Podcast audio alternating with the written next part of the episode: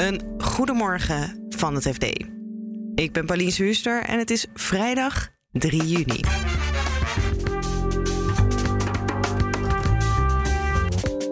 De olieproductie wordt opgeschroefd, maar tanken, dat blijft duur. Nou ja, de prijs blijft voorlopig hoog.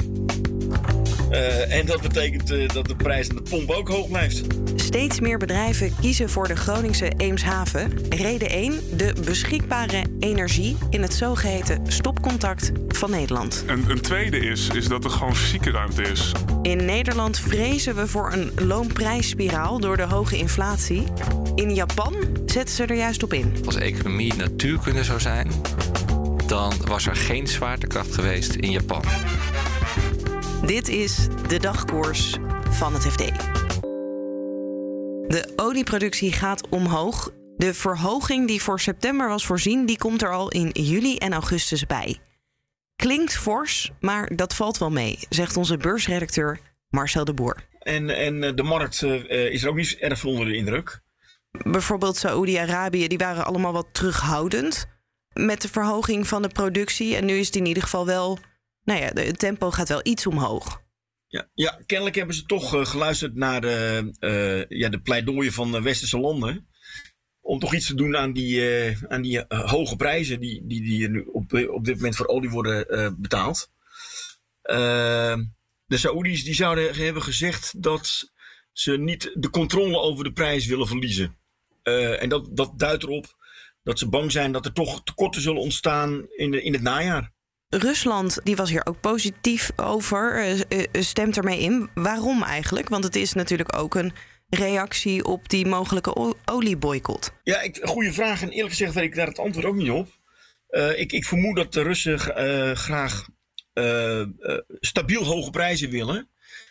niet echt complete prijspieken. die zorgen er alleen maar voor dat de wereldeconomie in een, in een recessie zou belanden. Waardoor de vraag weer inzakt. Uh, de vraag uit, uit uh, niet-westerse landen. En daar, zijn de Russen ook niet uh, bij gebaat. Tegelijkertijd denk ik ook dat ze denken van ja, ach, deze productieverhoging is, is niet zo enorm. er zijn heel veel landen die op dit moment best moeite hebben om, om, hun, om aan een quota te voldoen. Dus als ze meer, meer ruimte hebben om, om te produceren, ja, dat doen ze dan toch niet. Is er al een idee wat wij hiervan gaan merken, bijvoorbeeld aan de pomp? Nou ja, de, de prijs blijft voorlopig hoog. Uh, en dat betekent uh, dat de prijs aan de pomp ook hoog blijft. Ja, ook al komt er meer aanbod. Ook komt er iets meer aanbod, maar het is ook weer niet zoveel. Uh, en, en we, we, hebben natuurlijk ook vooral te maken met, met het verleggen van aanvoerlijnen. Wat ook niet eens is opgelost. Uh, dit gaat natuurlijk allemaal spelen uh, later dit jaar. Maar, maar die, die onzekerheid en, en, en, en de moeilijkheid, die blijven. en zullen de prijs hoog houden. En dan gaan we naar de Groningse Eemshaven. Redacteur Albert Wagenaar ging daar langs om te kijken wat nou de aantrekkingskracht is van deze plek. Waar steeds meer bedrijven naartoe trekken. Zowel in Eemshaven als uh, Chemiepark in Delfzijl, ongeveer 20 kilometer verderop, vallen beide onder dezelfde havenautoriteit. Ja, Groningen Seaport? Groningen Seaport, inderdaad. Dus beide gebieden zijn erg in trek. En dan zijn het grote, chemie, grote en kleinere chemiebedrijven die dan naar Delfzijl gaan, zoals bijvoorbeeld Avantium, beursgenoteerd. In Eemshaven heb je dan bedrijven die meer gefocust zijn op energie. Wat opvalt als je daar binnenrijdt, zijn drie grote energiecentrales van RWE, Vattenfall, waarvan donderdag bekend is geworden dat zij overgenomen worden, ook door RWE en van Engie. En RWE, dat is een, een, een centrale die op, op eh, steenkool gestookt wordt, deels en deels op biomassa. De andere twee zijn gascentrales. Het zijn wel ja, de fossiele oude economie, is dat in principe. Mm Je hebt wel een aantal windparken waarvan ze stroom binnenkrijgen en ook groene energie, dus uit de Scandinavische landen. Maar ze willen meer. Er moeten meer windparken komen. En als er genoeg windparken staan, met genoeg stroom, dan hopen ze daar ook waterstof te gaan opwekken. Want waterstof, dat wek je dan op door die groene stroom, is het idee die op uh, zee geproduceerd wordt. Ja. Maar daarvoor zouden nog wel enorme elektrolyseapparaten moeten staan. En ik sprak met een uh, waterstofkenner van de Hans Hogeschool Groningen. En die zei van, ja, wil je daar echt aan de dijk zetten... dan moet je spreken in orde van gigawatts. Dat is duizend keer meer dan de megawatts die daar nu uh, geproduceerd worden. Dat vergt gewoon enorme investeringen. Dat betekent ook dat ze mensen daarheen moeten trekken. Hebben ze daar nog moeite mee om mensen helemaal naar ja, toch een beetje een uithoek uh, te krijgen? Uh, het havenbedrijf zelf en mensen rondom die haven zeggen van... ja, net als de rest van Nederland hebben we arbeidstekorten. Het zijn vooral de technici en dan, ja, zoals er al jaren gebrek is aan technici. Maar het is niet meer als in de rest van Nederland. Dus ze, zijn ook, of ze, ze hebben programma's lopen met de, de Hans Hogeschool in Groningen dus en de Rijksuniversiteit en, en, en andere onderwijsinstellingen om mensen of, of om leerlingen en studenten op de hoogte te stellen dat er überhaupt de, de optie is om in Delfzijl te gaan werken. Ja, dus als het aan de Eemshaven ligt, zijn ze en aantrekkelijk voor bedrijven en voor de mensen die uh, er moeten gaan werken. Exact. En tot slot kijken we naar de inflatie in Japan. Een land dat economisch gezien wel een beetje op ons lijkt, maar waar toch andere economische wetten lijken te gelden. Toen ik bezig was met het verhaal van Japan, kwam ik een citaat tegen van Willem Buiten. Die zei: Als economie natuurkunde zou zijn, dan was er geen zwaartekracht geweest in Japan. Je hoort onze macro-economie-redacteur Marijn Jongsma. Het is een beetje een mystieke uitspraak.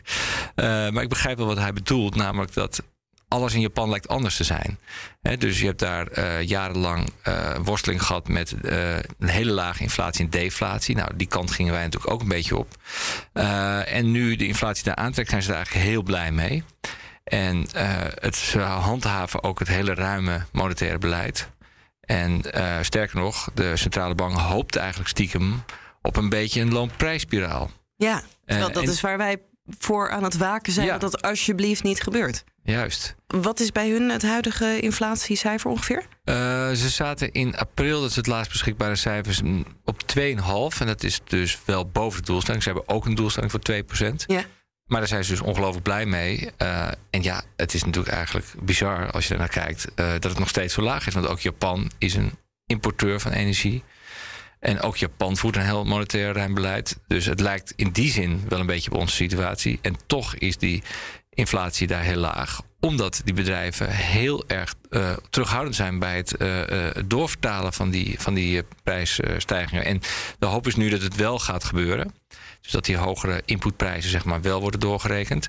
En dat ook de lonen een beetje meestijgen. En dat ze dus uit die deflatare spiraal komen. Ja, want hoe komt dat dat het zo anders werkt in Japan? Zit dat in de volksaard? Is er economische geschiedenis anders? Waar, waar komt dat vandaan? Uh, het zal direct ook wel met de volksaard te maken hebben dat dat zou kunnen. Maar het heeft ook alles te maken met de instorting van de vastgoedbubbel en ook de aandelenmarkt eind jaren 80. Die nasleep is gewoon heel lang geweest. Ze hebben daarna nooit meer echt een overtuigende groei laten zien. En dan krijg je dus, als de cultuur inderdaad is van uh, wij verhogen ons prijs niet veel. En als wij hogere kosten hebben, dan gaan we de lonen niet te veel verhogen. Ja, dan krijg je dus die spiralen waarbij werknemers uh, niet veel te besteden hebben. Of in ieder geval niet meer te besteden krijgen. Dus heel kritisch zijn de prijzen. En wat je dan krijgt, is dat ook investeerders terughoudend worden. Ja, als, als je denkt, ik ga een investering doen en de prijzen kunnen weer verder dalen. Ja, dat is niet echt een heel uh, zonnig vooruitzicht voor je, voor je omzetten die je uit zo'n investering kunt halen. Maar hopen ze dan op inflatiecijfers zo hoog als die bij ons? Of is 2,5% wel prima? Ik denk dat, uh, dat het voor Japan een soort cultuurschok zou zijn als uh, inflatiecijfers zoals bij ons zouden zien. Maar ze zijn dus al heel blij met dit soort percentages. En wat ze vooral hopen bij de centrale bank daar, is dat de inflatieverwachtingen ook toe gaan nemen. Dus dat Japanners ook denken van ja, dit is niet een eenmalig iets. Nee, uh, de komende maanden of misschien wel jaren uh, lopen de prijzen gewoon elke keer weer op. En dat betekent dus ook dat je dingen eerder gaat kopen, dat je niet afwacht. Uh, want ja, als de prijzen dalen, ja, dan, dan kun je net zo goed iets volgende week kopen. Je bent eigenlijk altijd goedkoper uit als je bestedingen uitstelt. En is het dan ook zo met de energieprijzen? Wij hopen natuurlijk dat ze een beetje gaan, gaan dalen om onze inflatie ook uh, te dempen, onze, onze koopkracht ook op peil te houden. Dat is, zal daar dan een schrikbeeld zijn als de energieprijzen weer dalen? Nou ja, dan krijg je natuurlijk uh, het risico dat je toch weer terugzakt, inderdaad. Uh, ik denk dat Japan op zich niet heel blij is met die uh, stijgende energieprijzen. want zoals gezegd, ze zijn energieimporteur. Dus mm -hmm. ze zijn net zoals wij afhankelijk van, van buitenlandse gas en olie. Maar ik denk wel dat ze het als een welkome rugwind zien om een soort ja, inflatiespiraal te creëren. Waardoor ze eigenlijk ja, met hulp van buitenaf bereiken wat ze al jaren proberen.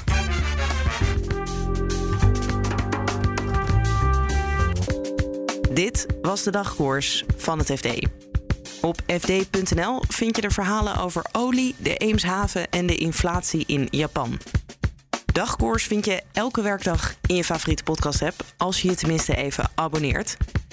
Betekent wel dat we er maandag niet zijn in verband met Pinksteren. Dus voor nu alvast een heel fijn lang weekend en tot dinsdag.